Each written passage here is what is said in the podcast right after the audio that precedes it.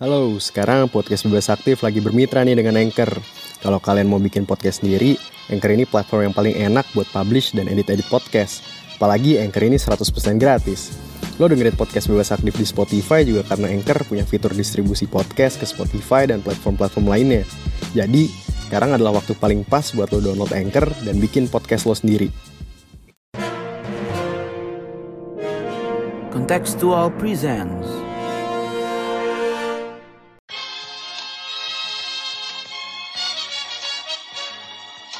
伟大、光荣、正确的中国共产党万岁！ Ladies and gentlemen, it was time to end a 20 year war. No one is safe until everyone is. The world is waking up and change is coming whether you like it or not. Selamat datang kembali di podcast Bebas Aktif season kedua episode ke-32. Tentu saja ada gue Raffi dan ada Ikhlas juga di sini. Halo Pas. Halo, halo Raf. Halo dan ada Mas Sofwan juga. Halo Mas. Halo, halo. Halo sudah berapa minggu ya kelas ya kita tidak hadir di telinga para pendengar karena luar biasa ini ya. Hektik sekali seperti kelas ya Mas. Hektik sekali, ya Jadi- dua mingguan lah ya. Ya, dua mingguan pada lah. UAS dan Raffi Ya. juga sibuk. Iya, sepertinya begitu ya, biasalah. Tapi kita sudah kembali lagi di telinga kalian para conference, tentu saja banyak yang bisa dibahas dan banyak hal yang terjadi di selama kita setengah-setengah libur ini. Dan salah satunya adalah Pak Jokowi. Pak Jokowi melakukan, kalau episode terakhir, episode terakhir kita ngebahas tentang safari politiknya Joe Biden ya, jalan-jalan dia di Asia. Kali ini kayaknya Pak Dari Presiden- Joe Biden ke Jokowi. ke Joko ke. Jokowi Presiden Jokowi ini melakukan bukan melakukan baru mau baru mau akan melakukan jalan-jalan kayaknya ya, kalau kita lihat dari berita-berita terbaru gitu gue terakhir baca ada Jokowi itu diundang ke KTT konferensi tingkat tinggi G7 G7 Summit di Schloss Elmau di Jerman di akhir bulan Juni nanti. Itu tanggal 26 sampai 28 dan yang bikin ini juga ya bikin kita berbincang-bincang juga adalah ada rencana yang sebenarnya udah dikonfirm ya sama Menko Polhukam Mahfud MD bahwa Pak Jokowi ini akan bertemu uh, the man of the moment, orang yang sedang dibicarakan di politik internasional Presiden Rusia Vladimir Putin tanggal 30 Juni. Jadi dua event yang berdekatan ini Pak Jokowi akan bersafari. Sepertinya kita nggak tahu ya kita akan bicarakan sebenarnya apa motivasinya dia jalan-jalan seperti ini gitu. Dan kita akan diskusi hal itu di episode kali ini. Tapi sebelumnya kalau kalian nggak mau ketinggalan diskusi-diskusi politik internasional terhangat follow podcast ini podcast bebas aktif tentu saja regularly kita biasanya tayang satu minggu sekali gitu dan follow juga sosial media kita di kontekstualcom di Twitter dan di Instagram. Banyak sekali konten-konten menarik tentang hubungan internasional dan visit website kita di kontekstual.com juga. Ada banyak artikel dan kalian bisa ngirim opini, bisa ngirim kolom baru ya kelas ya, sentilan ya kelas, Yoi, benar sekali. yang lebih light gitu ya. Begitu. Oke, mungkin kita bisa mulai aja episode kali ini. Gue mau nanya ke Ikhlas tadi setelah gue bilang Jokowi akan jalan-jalan gitu ya ke Jerman, ke Rusia gitu dari Eropa Barat ke Eropa Timur. Menurut lo, kalau lo lihat dari permukaannya aja nih dulu, kira-kira dia sebenarnya mau motivasinya apa melakukan safari safari ini? Apalagi ke Putin, wow, Ya, eh, kalau motivasinya apa, mungkin sebenarnya kita juga eh, pernah tahu sebelumnya itu di sekitar April, eh, Jokowi juga sempat menelpon Zelensky dan Putin gitu kan, eh, waktu itu sekitar Hmm. 28-29 April, dan eh, kita sempat obrolin juga tuh ya mungkin eh, waktu itu lebih kebanyakan eh, di spekulasinya adalah terkait dengan G20 gitu kan, karena nasibnya masih nggak pasti di tengah banyaknya penolakan eh, negara-negara Barat gitu kan, Iya, iya. Eh, yang yang apa yang kalau Putin datang ke G20 atau kalau Ukraina nggak diundang dan lain sebagainya, Jadi akhirnya Jokowi menelpon kedua pemimpin tersebut untuk semacam bisa uh, menjembatani lah gitu lah ya. Jadi akhirnya uh, setelah dari situ sepertinya sudah uh, bisa diselamatkan lah istilahnya G20 yeah. meskipun belum sekonklusif itu juga sih uh, bakal kayak gimana nanti tapi seemingly better gitu kan. Nah tapi kan sekarang kondisinya lagi nggak ada apa-apa banget nih sebenarnya kalau di Indonesia nih Yeah. Apakah butuh penyelamatan lebih lanjut G20 kan uh, kita nggak tahu atau justru jangan-jangan Indonesia mau memainkan peran juru damai itu kan yeah. di antara Rusia sama uh, Ukraina uh, itu mungkin tapi sebenarnya aku juga nggak terlalu yakin apakah possible apa enggak itu ya dan emang lagi lagi banyak kemarin yang mengunjungi Ukraina juga gitu kan dari dari uh, tiga pemimpin besar EU uh, apa Macron dari Prancis Scholz dari Jerman sama Draghi dari Italia juga uh, menunjukkan supportnya ke Ukraina. Uh, tapi sejauh ini yang menarik justru karena Jokowi setelah G7 nanti jadwalnya 26, 27, 28 itu bakal apa namanya uh, langsung ke Putin gitu habis itu gitu kan tanggal 30-nya sih katanya kalau yang direncanain so far. Hmm. Dan belum tahu kayak bakal ke Zelensky atau enggak gitu kan. Nah, kalau seperti itu ya ada ada risk justru ya gue ngelihatnya uh, risk kemudian bisa uh, dilihat kita terlalu dekat ke usia kah atau gimana kalau gesturnya tuh nggak uh, sama sama yang dikasih ke Ukraina dan hmm. Uh, cuman ke Putin dong itu apalagi sampai dikunjungin langsung gitu kan kalau nelpon nelpon oke okay lah ada lumayan uh, yang masih nelpon nelpon tapi kalau sampai kunjungin langsung di Kremlin itu kan berarti suatu uh, gestur yang lebih lagi gitu. Hmm, hmm, hmm. Bisa gak sih Lukas ngebayangin uh, Jokowi duduk di mejanya Putin yang panjang itu kayak Macron waktu itu kan lucu ya sebetulnya kalau ada tuh. Iya, aduh ntar ngomongnya agak susah ya. Tapi ya. agak dan ya. Iya, iya. Ya. Menarik ini melihat ternyata Pak Jokowi pernah teleponan gitu ya sama Zelensky dari Putin di bulan April kemarin. Mas Sofan ngeliatnya gimana Mas? Uh, Indonesia kan biasanya mencoba berada di tengah gitu ya dengan politik bebas aktifnya. Uh, Nelson Zelensky, nelfon juga Putin. Kalau Mas Sofan melihat uh, manuver ini, gue bisa bilang manuver nggak ya? Melihat kunjungan-kunjungan ini tuh gimana? Apakah akan menunjukkan bahwa Indonesia berpihak ke satu salah satu atau gitu? Ya, ya pertama yang jelas ini masih rencana ya dan yeah, yeah, yeah. kita belum tahu akan jadi seperti apa karena situasi dinamis kan ya. Uh, jadi uh, Amerika Serikat juga memantau ini uh, Pak Jokowi ini mau mampir ke uh, Moskow ke Kremlin atau uh, enggak dan apakah mampir juga ke Ukraina misalnya apakah berpengaruh ke relasi antara Indonesia, Rusia, Ukraina, G7 itu tentu masih dalam pantauan. Kasihan ini Pak Jokowi ini banyak dipantau ya kemarin habis video juga itu kayak sedang uh, berdiskusi dengan uh, salah satu ketua partai tapi itu topik di luar topik kita hari ini.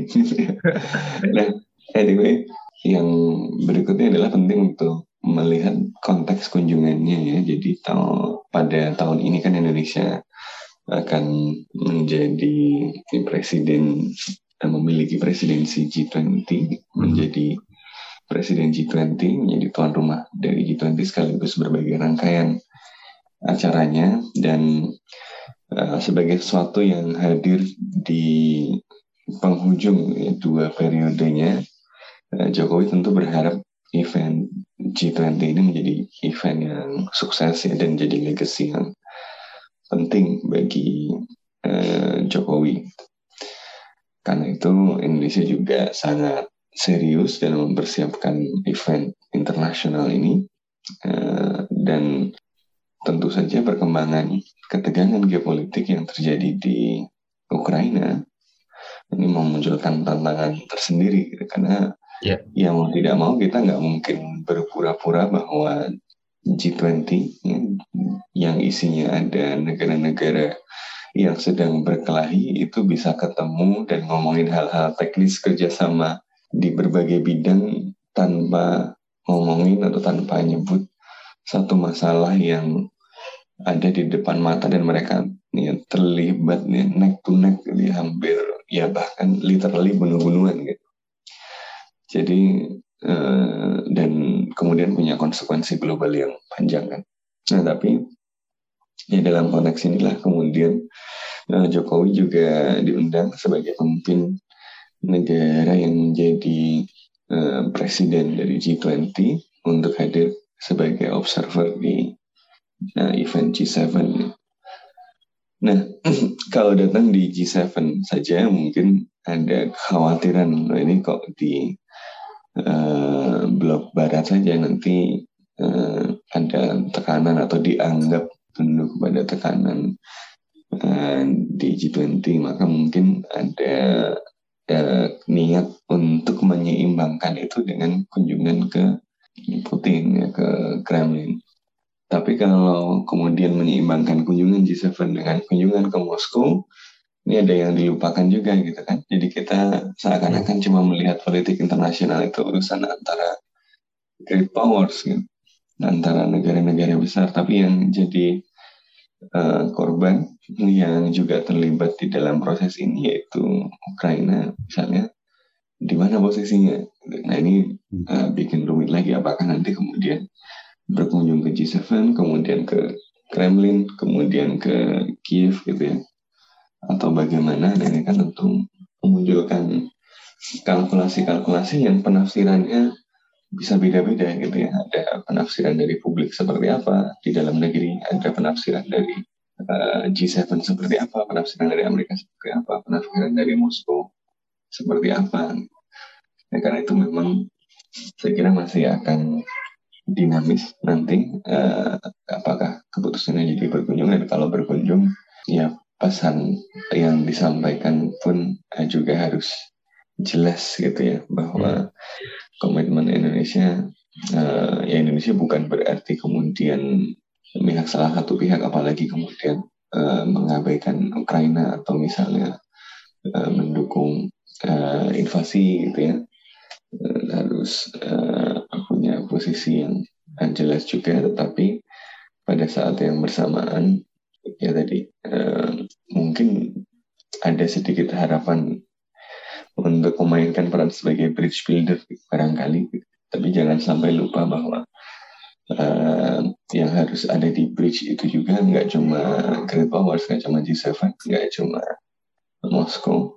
Tapi yang utama dan terutama adalah yang mengalami eh, dampak dari uh, ya konflik politik ini yaitu Ukraina. Hmm. Nah itu bagaimana menempatkannya. Nah dalam konteks ini saya kira penting juga apa selain kita bicara soal rencana Jokowi mungkin hmm.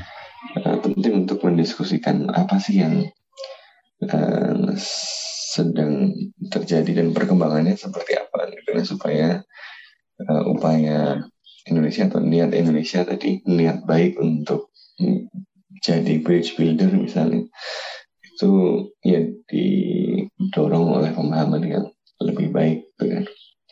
Jadi mungkin uh, penting juga untuk melihat beberapa konteks uh, terakhir ya seperti kondisi terakhir di Ukraina di mana uh, Rusia kemudian berfokus di wilayah timur di Donbas dengan metode yang sama gitu ya serangan uh, yang tidak terlalu terburu-buru tapi dengan menimbulkan kesultis yang tinggi dan konsisten sementara Ukraina juga berhasil mendesak ke selatan mengambil kembali kembali beberapa wilayah di selatan. Nah, ini uh, prospek yang mungkin ke depan ya akan sulit untuk selesai dengan cepat gitu akan jadi semacam stalemate yang yang panjang ini kemudian juga akan berpengaruh pada reaksi dari negara-negara Eropa ya, yang juga merupakan bagian dari G7 sendiri. Dan ada rencana kunjungan juga ya dari beberapa pemimpin Eropa ke Ukraina mungkin bagus juga itu kalau kita bisa lihat. Mm -hmm. Nah, kemarin di kontextual.com di website kita itu naik berita bahwa menceritakan sebenarnya ada tiga pemimpin negara-negara Eropa, negara-negara penting Eropa yang datang ke Kiev untuk pertama kalinya kelas ya. Mereka datang tuh sih ada Emmanuel Macron, Presiden Prancis, Olaf Scholz, Perdana Menteri Jerman, dan Perdana Menteri Italia, Mario Draghi. Mereka datang ke Kiev, ibu kota Ukraina, ketemu dengan Presiden Zelensky. Itu membicarakan berbagai hal, dari dukungan terhadap Ukraine, uh, seruan untuk perdamaian, sampai nyerempet-nyerempet juga aksesi ke EU. Mungkin kalau dari lu kelas uh, bisa diceritain mungkin apa yang terjadi, apa yang diomongin, dan menurut lu itu mengindikasikan apa? Apakah apa ya Eropa udah apalagi dengan ada ketergantungan gas ya, terutama di Jerman udah mulai makin udahlah Rusia ini aja atau kondisi aja. Kalau menurut gitu. Dan kemarin sempat bikin marah ya Macron ya. Gara-gara yeah, yeah, yeah. apa bilang di udah dikasih aja itu Donbas gitu kan. Iya, exactly. Gimana mana? Ya, ya jadi uh, sebenarnya berkaitan juga ya dengan itu. Uh, jadi kan ada ada meskipun Barat secara umum mendukung Ukraina gitu, tetap ada perbedaan gitu kan. Bahkan yeah. di antara uh, yang kita persepsikan sebagai Barat gitu kan. Misalnya hmm. kalau Amerika Serikat ya mau Ukraine uh, perang berapa lama juga gue dukung gitu kan istilahnya di, di, dibilang sama Joe Biden kayak gitu. Yeah. Tapi kalau ya teman-teman di Eropa ini kan terutama uh, Big Three lah, Big Three EU ini uh, lebih pengen ya bahwa perdamaian itu lebih cepat terwujudnya gitu kan ya karena mereka juga mungkin salah satu yang uh, paling terdampak dari uh, perang Rusia Ukraina ditambah uh, kondisi dunia yang juga sedang semakin menuju stabilitas ya bukan secara uh, militer doang tapi juga secara ekonomi kan kita lihat iya. sekarang dan uh, beberapa gestor yang disebut sebelumnya tadi misalnya kayak yang dari bilang Mas Sofwan, ya Macron terutama Macron sama Scholz ya yang banyak mendapat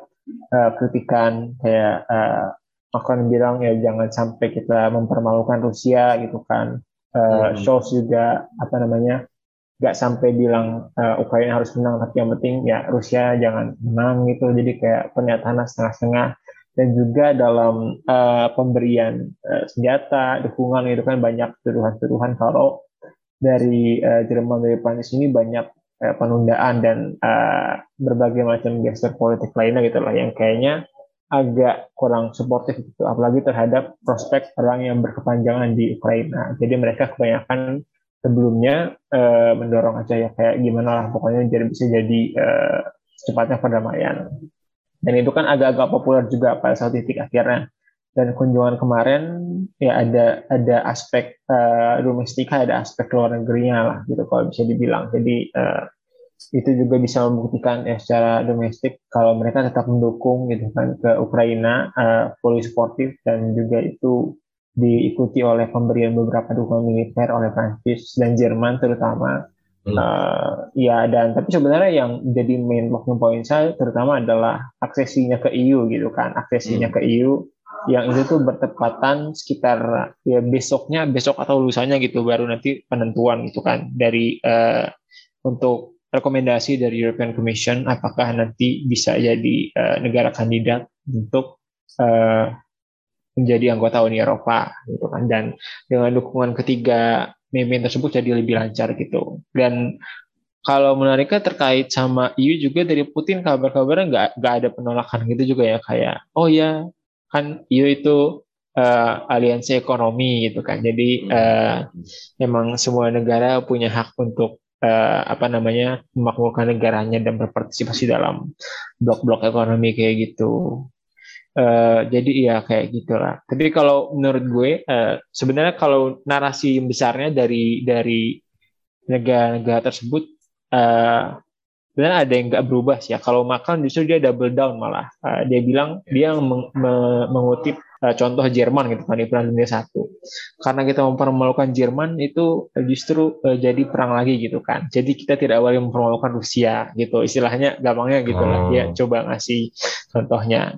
Tapi juga satu hal yang menarik menurut gue dorongan dari eh, negara-negara tersebut biar Ukraine juga mendefinisikan kira-kira kemenangannya tuh kayak gimana sih. Kan Zelensky pengennya tuh menang yang kayak gimana yang uh, dia ingin tapi yang juga realistis gitu loh istilahnya kan. Kalau kalau dibilang mau total uh, kembali semua sama Crimea apakah nanti kira-kira akan kapan tercapainya gitu kan. Kalau uh, Rusia juga kan semakin kita lihat Rusia kan Putin terutama semakin menyesuaikan aimsnya juga kan awalnya yeah. pengen uh, ngetek satu Ukraina sekarang jadi Donbas aja nah sekarang kira-kira gimana gitu kan Kiev karena kalau untuk bisa mengakhiri perang dengan ideal ya kayaknya dua-duanya paling enggak bisa mengklaim semacam kemenangan gitulah baik Putin maupun Zelensky.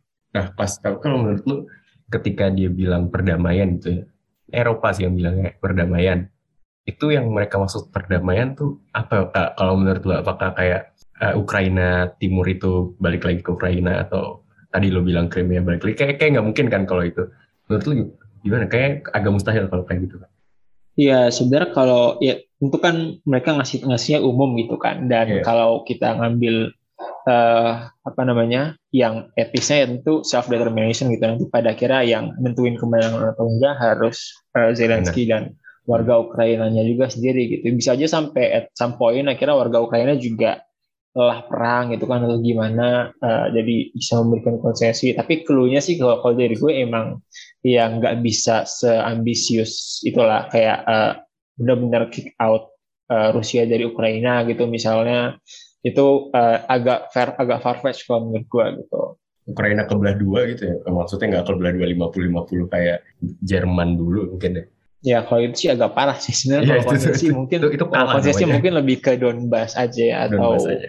Kalau Mas Sofwan lihat uh, kunjungan tiga pejabat penting EU ini gimana Mas? Signifikansi? Iya, ya, ya kayaknya mereka bertiga juga harus mendengarkan lagu dari Nasi Daria ya, perdamaian. Perdamaian. Dari cerita Habis konser di Jerman. Semakin ramai. Yang bunyi Seven. Ya bisa jangan-jangan mereka habis ikut konser itu. Nah, uh, nah anyway, Hmm, seperti yang dibilang sama Ikhlas tadi ya kayaknya memang nah ini situasi yang agak rumit ini karena ada tarik menarik antara mood publik gitu ya. Uh, yang tentu sangat penting dan kemudian yang berkaitan dengan apa ya ada tekanan uh, moral gitu ya de, terhadap para pemimpin untuk mengambil sikap yang jelas apalagi uh, dengan perang yang berjalan lama dan dengan bukti-bukti berbagai pelanggaran tentang kejahatan kemanusiaan yang kemudian uh, ya setidaknya diumumkan dan terlihat gitu ya di oleh publik internasional kan uh, jadi ada dorongan untuk memberikan dukungan yang lebih kuat kepada Ukraina dan ya ya menghukum yang dianggap melanggar dan melakukan kejahatan kemanusiaan uh, yaitu uh, Moskow yaitu Putin. Tapi di sisi lain uh, ini kemudian ya tidak selaras misalnya dengan kalkulasi rasional, setidaknya kalkulasi rasional dari para pemimpin Eropa ini yang melihat bahwa kondisi ideal di mana misalnya Ukraina menang total, Rusia kemudian um, mau mundur sepenuhnya dan kemudian tidak nekat uh, misalnya terakhir banget mencet tombol nuklir atau melakukan hal-hal yang membahayakan yang lain itu uh, juga kecil gitu. Makanya mereka kan bicara soal uh, harus ada exit plan gitu untuk uh, Putin juga ya. Jangan dipermalukan. Kalau dipermalukan uh, malah jadi makin tidak rasional dan dampaknya bisa mengkhawatirkan. Tapi nanti yang di kubu santunya dalam tarik menarik ini akan bilang dari awal sudah nggak rasional. Ya, dan tapi anyway uh, ada tarik menarik itu tarik menarik antara heart and mind gitu. tarik menarik antara uh, dorongan moral uh, bahwa yang dilakukan oleh Rusia itu salah dan mengancam uh, identitas bahkan tidak hanya di Ukraina tapi juga Barat secara umum dan nilai-nilai Barat secara umum sehingga ada uh, kehendak untuk memberikan hukuman uh, secara eksistensial gitu terhadap Rusia. Tapi pada saat yang bersamaan ada tarikan kalkulasi rasional bahwa menghukum Rusia sepenuhnya atau membuat Putin jatuh atau memenangkan Ukraina total dengan Rusia menyerah sama sekali itu juga rasanya sulit. Walaupun Rusia ternyata juga tidak sekuat yang di bayangkan gitu kan yang akan uh, terjadi barangkali ya, dengan situasi yang sekarang adalah uh, stalemate ya. Rusia uh, kuat di timur tapi kemudian dengan menghadapi uh, gerilyawan yang gerilya dari uh, Ukraina sehingga pemerintahan yang nggak nggak terus stabil. Ini yang uh, barangkali malah akan lebih mirip kalau kita sering bikin analoginya dengan Jerman dengan Eropa sebenarnya Indonesia punya uh, pengalaman yang mungkin bisa jadi insight juga. Ini kan mungkin suasananya ya nggak sama sih tapi hampir-hampir mirip ya dengan uh, periode setelah kemerdekaan Indonesia gitu kan. Di mana Belanda secara sepihak melakukan aksi polisionil seperti Rusia melakukan apa yang diklaim sebagai special military operations gitu kan dan kemudian melakukan kejahatan kemanusiaan sama seperti Belanda melakukan kejahatan kemanusiaan. Walaupun kemudian di laporan penelitian terakhir uh, ditulisnya bukan sebagai kejahatan kemanusiaan bukan sebagai kejahatan perang tapi sebagai extreme violence. Simply karena nanti jadi sama kayak Jerman dan Jepang ya padahal ya sama emang. Memang kejahatan kemanusiaan memang war crimes gitu Belanda uh, karena Belanda yang ngasih duit ya penelitiannya ngomongnya extreme violence. Anyway uh, dan setelah uh, kejahatan apa kemanusiaan itu ya tentu ada respon juga kejahatan kemanusiaan. Juga ada kekerasan-kekerasan ekstrim juga dari uh, pihak Indonesia seperti juga di Ukraina kan uh, juga Rusia bilang bahwa Ukraina juga melakukan uh, hal yang sama gitu kan dalam tentu dalam derajat yang jauh lebih kecil dan posisi konteks tadi perlu dilihat gitu ya siapa yang melakukan uh, serangan. Seperti juga ketika ngomong uh, kekerasan pada periode revolusi atau dalam Belanda suka bicara soal periode bersiap itu gitu. Nah uh, dalam kondisi seperti itu kalau kita baca-baca dokumen-dokumen uh, pada waktu itu diskusi internasional juga sama gitu. Belanda menang secara militer misalnya tapi nggak bisa menang sepenuhnya karena ya gerilya ini nggak bisa dihentikan hmm. sehingga situasi keamanan itu nggak akan nggak nggak nggak stabil dan situasi yang nggak stabil itu akan berdampak kepada situasi internasional sehingga komunitas internasional terutama oleh Amerika Serikat pada waktu itu uh, yang melihat bahwa stabilitas kawasan di Asia Tenggara itu penting sebagai bagian dari upaya uh, pembangunan arsitektur internasional pasca Perang Dunia Kedua, terutama dalam konteks persaingan dengan Soviet, ya kemudian akhirnya mendorong Belanda untuk mau berkompromi uh, dan akhirnya dan Indonesia pun juga didorong untuk tidak ngotot kan makanya di perjanjian-perjanjian awal itu uh, apa Indonesia menerima cuma sebagian wilayah di Jawa dan Sumatera gitu. Yang lain jadi negara-negara boneka yang pro Belanda. Jadi dalam konteks Indonesia nanti kemudian akhirnya akan ada musi integral, ya, akhirnya semuanya bergabung kembali dalam Republik Indonesia. Tapi konteksnya pelajarannya saya kira adalah bahwa perkembangan konflik di Ukraina ini barangkali akan menjadi mirip seperti itu. Akan ditandai dengan perang yang uh, panjang yang nggak ada satu pihak yang kalaupun dia menang, misalnya megang satu kota atau satu wilayah tertentu, dia nggak akan bisa stabil pegang wilayah itu selama waktu yang panjang itu karena ada perlawanan dari uh, ya gerilyawan atau perlawanan dari pasukan di sisi yang lain. Dan ini kemudian memunculkan kekhawatiran bagi Eropa. Apalagi kita sekarang sudah masuk musim panas, sebentar lagi musim dingin, dan musim dingin inilah momentum di mana uh, Rusia akan uh, apa ya punya daya tawar ke Eropa gitu karena dia Eropa ini sudah pakai hampir separuh ya, cadangan gasnya mencari ganti uh, cadangan gas nggak mudah ya dan suplainya kan uh, selama ini banyak dari Rusia gitu.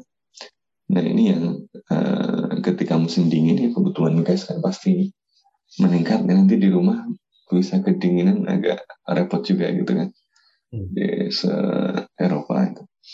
Nah karena itu uh, ya Putin dalam hal ini barangkali berpikir waktu itu ada di pihaknya. Kalau dia bisa uh, bikin konfliknya lama, uh, dia akan punya daya tawar yang lebih tinggi untuk nanti negosiasi. Nah kayaknya sih masing-masing uh, pihak uh, itu yang akan pada ujungnya akan melihat bahwa mereka akan selesaikan ini dengan negosiasi, tapi mereka mau punya daya tawar yang lebih tinggi. Itu dan untuk menaikkan daya tawar itu uh, ya Putin melihat bahwa prolonging konflik memperpanjang konflik dengan casualty yang uh, besar itu uh, akan akan memberikan daya tawar nanti ketika uh, musim dingin masuk ya karena kemudian ketergantungan uh, Eropa pada gas Rusia akan mulai terasa pada saat yang bersamaan. Dampak dari blokade pangan uh, Rusia mulai terasa ke seluruh dunia kan? Mulai banyak uh, krisis pangan di berbagai wilayah dunia karena gandum dari Ukraina dan Rusia itu adalah salah satu supplier uh, utama termasuk di beberapa wilayah yang sedang mengalami krisis kemanusiaan, uh, Mesir, uh, Yaman, uh, berbagai wilayah di Timur Tengah yang sedang konflik itu juga suplai gandumnya dari Rusia dan Ukraina. Kalau dua-duanya stop, situasi tambah uh, parah. Nah ini yang uh, kemudian tentu jadi bagian dari kalkulasi dari para pemimpin Eropa kalkulasi dari Putin dan kalkulasi dari Zelensky. Di kalkulasi ini ya tadi berbenturan dengan uh, ya dorongan moral. Ya gimana ya? Uh, setelah apa ber, beberapa bulan kemudian uh, ada bukti-bukti yang terlihat soal pembantaian massal di Bucha. Kalau tiba-tiba berkompromi, rasanya secara moral nggak benar gitu kan. Tapi kalau tidak berkompromi, nggak ada way out gitu. dan eh, kita semua rugi. Nah ini yang kemudian harus diselesaikan gitu ya. ya dunia kita memang tidak ideal. Ya, pada akhirnya pemimpin harus membuat keputusan yang uh, akan salah, akan salah gitu. Uh, uh, pasti ada salahnya itu dari berbagai sudut pandang tadi. Tapi ya ya mereka harus mengambil risiko itu. Nah ini yang kemudian juga saya kira dilema dihadapi oleh Zelensky kemudian uh, setelah warganya banyak kehilangan keluarga, gitu, banyak kehilangan orang-orang terkasih. Tapi kalau tetap ngotot mau perang, ada risiko Eropa akan menarik dukungannya kalau jangka panjang karena ya mereka sendiri kehabisan energi, gitu ya. Uh, dan perlawanan juga nggak akan terlalu sustainable, bisa lulus lebih jauh. Uh, tapi kalau nggak push ya dia uh, apa ya secara moral jadi problematik karena publik loh ini kita sudah kehilangan seperti ini sudah sejauh ini kok mundur di tengah-tengah. Nah ini yang apa saya kira dilema-dilema yang dihadapi oleh para pemimpin termasuk si Zelensky tadi. Jadi ada dilemanya Eropa, dorongan publik dan kalkulasi rasional ke dampaknya Eropa dan dorongan uh, kalkulasi Putin dilemanya Putin kalau dia lanjut belum tentu juga dia menang tapi dia ada harapan kalau uh, semakin lama dia bisa memaksa Eropa untuk mengurangi dukungan dan melepaskan sanksi karena ketergantungan Eropa tadi. Tapi di sisi lain juga belum tentu pasukannya bisa sustain. Gitu di sisi lain Zelensky juga kemudian menghadapi dilema tadi uh, publik. Tentu secara moral dan emosional uh, sudah terkehilangan seperti itu ya. Nothing tulus ya. Rawe-rawe rantas malang-malang putung gitu. Hmm. uh, ya maju terus. Tapi sebagai pemimpin dia juga punya tanggung jawab untuk melihat secara rasional gimana akhir yang memungkinkan yang visible untuk konflik ini. Nah jadi saya kira apa kontroversi dan apa perdebatan yang sangat emosional eh, ya dihadirkan oleh dilema-dilema itu. Uh, dan saya kira kemudian kuncinya adalah ya bagaimana para pemimpin ini mengambil pilihan. Pasti tidak akan menyenangkan uh, semua pihak. Bahkan uh, bisa jadi hero to zero kalau Zelensky kemudian uh, memutuskan untuk berkompromi gitu kan. Uh, ya tapi uh, way out seperti apa yang terbaik? Ini seperti kayak misalnya Soekarno Hatta gitu ya hmm. atau para pemimpin dulu yang harus berkompromi di Renville gitu kan di domestik kan jadi nggak populer kan? Yeah, yeah, uh, ya pasti dilihat ini berkompromi sama Barat gitu makanya kemudian musuh bisa mengambil alih PKI Amir jatuh kan itu kan? Ya kemudian uh, ya karena Amir dianggap berkhianat kan berkompromi dengan Barat tanda tangannya di Renville lagi di kapalnya Amerika Serikat gitu kan Nah ini hmm. ya situasi-situasi yang uh, semacam itu. Tentu nggak sama persis, tapi saya kira suasana dilemanya, gitu ya, uh, ya dorongan uh, tarik menarik antara moral, antara emosi publik ya dengan uh, kalkulasi rasional ini memang rumit. Gitu. Oke oke oke. Menarik kalau kita ngelihat benturan antara moral yang yang moral dan yang material tadi kan. Uh, secara moral, iya publik mendorong hampir semua deh, hampir orang semua orang di seluruh dunia menuntut perdamaian atau pro Ukraine dan antagonis terhadap Rusia gitu. Tapi on the other hand, kelas uh, kok gue ngeliat kayaknya Rusia punya upper hand ya, uh, khususnya di energi sih. Apalagi tadi Mas Sofwan bilang, oh, lagi musim dingin, udah ya udah ada cengkramannya nih Rusia, tinggal nunggu waktu aja. Kalau lo ngeliatnya gimana uh, posisi bargainingnya Eropa dengan Rusia, siapa yang ada upper hand? Apakah ini gontok-gontokan yang udah sering Iya, iya, cukup cukup setuju gue tadi sama Mas Sofwan kayak uh, bahwa Rusia itu punya upper hand sebenarnya terutama dalam masalah waktu. Uh, meskipun Barat juga katanya akan berkomitmen kayak uh, terutama AS yang mendukung Ukraina sampai uh, kapan pun itu juga, tapi AS kan uh, jauh kayaknya ya. ya AS jauh itu meskipun penting juga, tapi uh, gue sih lebih ngelihatnya ke gimana di sekarang itu kan economic pain itu udah mulai creeping in gitu lah istilahnya udah mulai ya. menggigit lama-lama ke berbagai orang di seluruh dunia dan perang Rusia Ukraina memiliki andil yang besar dalam hal itu kan dari Rusia sendiri kita udah ada ya krisis energi gitu kan minyak naik gimana mana krisis pangan dan juga sekarang yang udah udah looming krisis nih cuman atau karena kita di Indonesia mungkin kurang ngerasain ya tapi kalau teman-teman kita yang di Afrika misalnya yang sangat banyak mengimpor gandum dari Rusia dan Ukraina itu akan jauh lebih terdampak.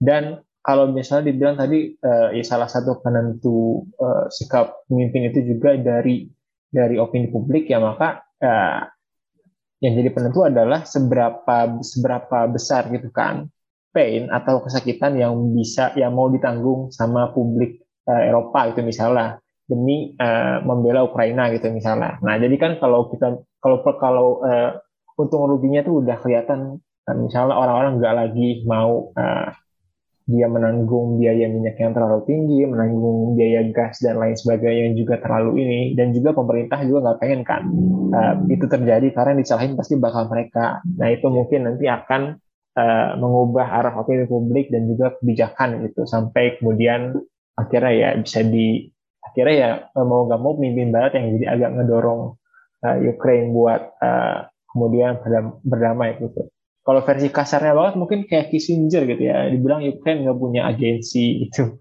hmm. jadi biar ditentuin aja sama yang lain.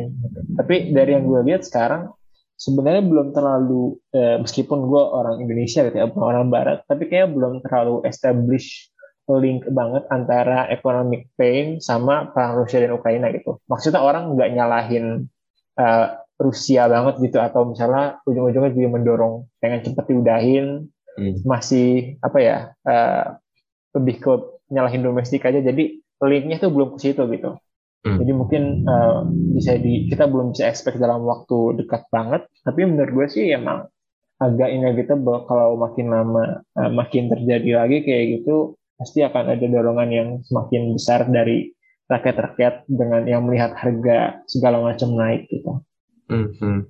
Kok kayaknya semakin ke sini apa ya? Gue ngeliat semakin way outnya tuh the only way outnya tuh kompromi sama Rusia.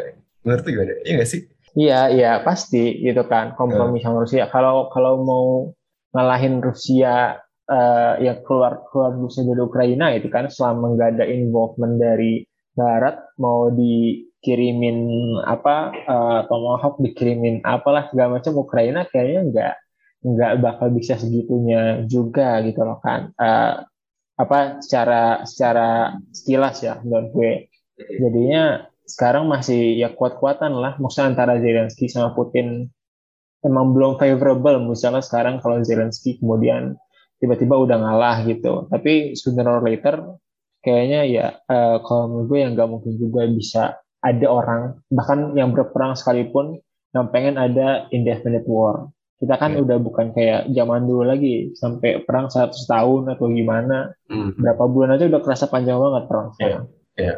kita aja udah berapa kali ngomongin Rusia Ukraina di iya yeah, sampai udah berapa kali Halo, sekarang podcast Bebas Aktif lagi bermitra nih dengan Anchor. Kalau kalian mau bikin podcast sendiri, Anchor ini platform yang paling enak buat publish dan edit-edit podcast. Apalagi Anchor ini 100% gratis. Lo dengerin podcast Bebas Aktif di Spotify juga karena Anchor punya fitur distribusi podcast ke Spotify dan platform-platform lainnya. Jadi, sekarang adalah waktu paling pas buat lo download Anchor dan bikin podcast lo sendiri. Mas Sofan, apakah kalau bayangannya Mas Sofan nih, uh, kita udah berapa bulan di uh, disuguhi perang Rusia dan Ukraina. New kalau kita pinjam istilah pandemik gitu ya, new normalnya itu bakal seperti apa Mas? Apakah akan ada stalemate tadi yang Mas Sofan bilang atau bagaimana? Apakah ada penyelesaian yang lebih pakem lagi dalam waktu dekat misalnya tahun ini atau tahun is there any way out? Iya, ya kemungkinan paling besar adalah uh, stalemate ya hmm. Rusia nggak sekuat itu untuk misalnya mengambil alih seluruh wilayah Ukraina atau secara konklusif mengambil alih wilayah timur. Jadi dia akan misalnya punya wilayah yang lebih luas di uh, wilayah timur, tapi kontrolnya nggak akan uh, stabil gitu ya, karena terus akan ada uh, perlawanan uh, gerilya. Gitu uh, ya sebagaimana itu dulu Belanda ambil alih beberapa kota utama di Jawa tapi ya nggak tenang karena uh, selalu ada perlawanan dari gerilyawan Republik gitu kan hmm. jadi uh, akan panjang gitu jadi semua pihak juga sepertinya akan melihat ini sebagai uh, ya long game ya. uh, masalahnya kan siapa yang kemudian akan uh, mundur duluan dan akan uh, berkompromi duluan gitu kan hmm. apakah Rusia yang tercekek oleh sanksi atau yeah. Uh, Eropa yang mengendurkan sanksi karena ketergantungan dia kepada Rusia sehingga Ukraina kemudian berkurang uh, kekuatannya karena dukungan berkurang ya. hmm. uh, Ukraina apakah kemudian mau uh, mengendurkan eh, tuntutannya misalnya membebaskan seluruh Ukraina tanpa kompromi ya agak sulit sepertinya kan kalau posisi apa publiknya sekarang uh, seperti itu jadi ya ini akan jadi perang yang panjang uh, dan bagaimana kemudian konteks yang lebih besar berpengaruh uh, berkembang itu akan akan menjadi penentunya tadi jadi uh, apakah Ya tergantung yang kehabisan tenaga dulu yang mana dulu nih. Apakah Rusia kemudian kehabisan uh, logistik untuk mempertahankan uh, ekspansinya atau uh, invasinya di wilayah Ukraina, terutama di wilayah timur gitu. Kan sekarang mengandalkan draft gitu ya, mengandalkan ambil wajib militer di orang-orang miskin, terutama di daerah-daerah minoritas terus dia juga masih bisa mengelola sanksi ekonomi yang besar gitu tapi nggak uh, bisa akan dalam jangka panjang pasti dalam jangka panjang uh, akan terasa juga akhirnya. Sanksi itu di sisi lain ya Eropa tadi juga akan menghadapi uh, tekanan karena uh, ketergantungannya selama ini pada gas Rusia. Dia bisa cepat cari alternatif ya. Uh, bagaimana? Jadi ada ada konteks itu lalu dia akan berkaitan juga dengan konteks domestik di Ukraina gitu. Semangat publiknya seperti apa? Publiknya capek enggak gitu nah, atau akan terus full support kemenangan total gitu ya nah ini yang uh, apa faktor yang akan berpengaruh jadi tarik menarik heart and mind-nya masih akan berlangsung dengan konteks yang uh, terus dinamis. Nah, siapa duluan kehabisan gas, baik konotasi maupun literally hmm. uh, uh, di tiga pihak ini, Ukraina, Rusia, dan uh, Barat. Mungkin terakhir ya uh, ke ikhlas gitu. Kalau tadi Mas Sofan bilang ini bakal kayak stalemate akan ada tarik-tarikan. Kalau menurut gue, ikhlas bakal ada sesuatu atau sese, sesenegara seseorang yang satu sosok atau satu entitas yang bakal tip the balance gak menurut lo dalam beberapa waktu ke depan misalnya tiba-tiba Cina ikut campur gitu atau gimana? Presiden Jokowi. Presiden Jokowi bisa jadi dia tipping the balance ya. Kalau tahu kemudian memperkenalkan itu lagu Nasi Daria itu kemudian masing-masing pemimpin dunia. Iya ada efek kultural ya. Iya, iya, iya. konser di Jerman itu Nasi Daria keren. Menurut lu gimana kan? Akan, akankah ada yang tipping the balance atau Indonesia bridging the something tadi? Gak lah ya. Oke, jadi kalau uh, Indonesia bakal kira-kira tip the balance atau menyembatani di antara keduanya sih gue uh, sekali lagi nggak yakin banget gitu ya. Karena apa namanya karena uh, role yang mau dimainkan juga agak gimana gitu. Kalau kalau semua yang di jalan Indonesia menurutnya pada akhirnya kaitan paling jelasnya paling enggak pada momen itu uh, G20 gitu kan. Kalau kepentingan internasional lainnya gue juga kurang bisa membaca gitu kan apa jangan-jangan Presiden Jokowi uh, beraspirasi jadi ketua PBB gitu kan nanti Set. atau sekjen PBB uh, eh, jadi butuh panggung internasional iya. Ada yang tadinya mau jadi sekjen PBB akhirnya jadi pelukis ya, jadi seniman. Oh. ya Allah, yang si melukis lah gitu. Uh, jadi jadi sebenarnya masih no clue ke sana sama juga kayak uh, kunjungannya sekarang uh, bakal kayak gimana. Mm-hmm. Tapi ya diharap mungkin bisa ngebantu ease the tensions gitu ya. Mungkin G20 juga bisa jadi uh, poin apa uh, starting point perdamaian atau yang lainnya kita bisa harapkan itu sih kalau menurut gue dan ya semoga Pak Jokowi selamat-selamat nanti uh, kalau ke Rusia nanti berkunjung ke Putin atau kalau ke Ukraina dan lainnya. Mantap, semoga Pak Jokowi mendengar episode ini ya dalam perjalanannya ke Moskow di pesawat nanti. Walaupun sejujurnya agak skeptis dengan peran Indonesia sih ya. Iya. ya. Siapa tahu gitu kan. Siapa tahu. Siapa tahu nggak tahu ya apa yang di ada di agenda Pak Jokowi ke Moskow nanti nggak di reveal juga soalnya sama hmm. Menko Polhukam jadi we'll wait and see tanggal 30 Juni uh, Jokowi at Moskow. Hmm. Sementara Indonesia berada di bawah uh, Ma'ruf Amin dulu kalau gitu ya. Buat Wah bener juga. bener ya. oh iya ya. Oke oke oke. Eh, Mas Sofan ada yang mau disampaikan sebelum saya tutup?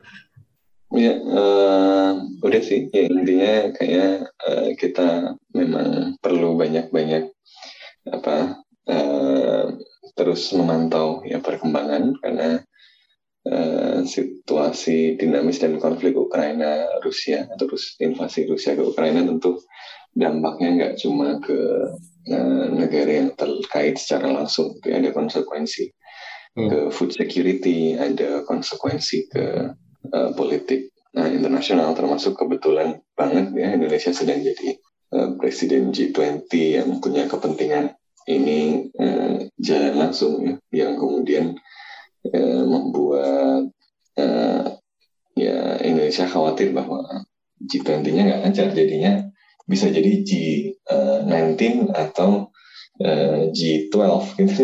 Oh iya, G19 kalau Rusia nggak ikut ya, boykot. G12 kalau uh, apa G7 plus misalnya ya satu yang lain atau yang uh, itu nggak nggak mau ikut gitu kan uh, atau G10 G berapa gitu jadi G-nya nggak nggak beneran jadi 20 gitu. nah ini yang uh, tentu uh, akan akan ya jadi concern bagi Indonesia juga tapi emang Indonesia harus realistis this is something beyond our yeah. control gitu kan hmm.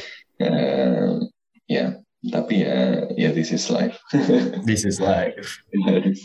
Uh, ya deal with it. Ya kita akan uh, lihat dan kita dan apa ya jadi kita berdoa semoga perdamaian uh, bisa terwujud gitu nggak cuma banyak omong uh, cinta damai tapi enggak damai-damai.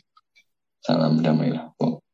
mantap. Tapi damai salam juga enggak cukup gitu ya damai yeah, itu yeah. ya harus harus adil nah itu yang poinnya nah ini yang sulit mantap mantap mantap Oke oke, uh, penutup yang mantap sekali dari Mas Sofan. Kalau gitu sekian dulu uh, podcast bebas aktif comeback setelah dua minggu absen. Semoga teman-teman bisa terupdate lagi info tentang hubungan internasionalnya sama analisis-analisisnya. Gue Raffi, Ikhlas, dan Mas Sofan. Cabut dulu, kita ketemu lagi di podcast bebas aktif episode selanjutnya.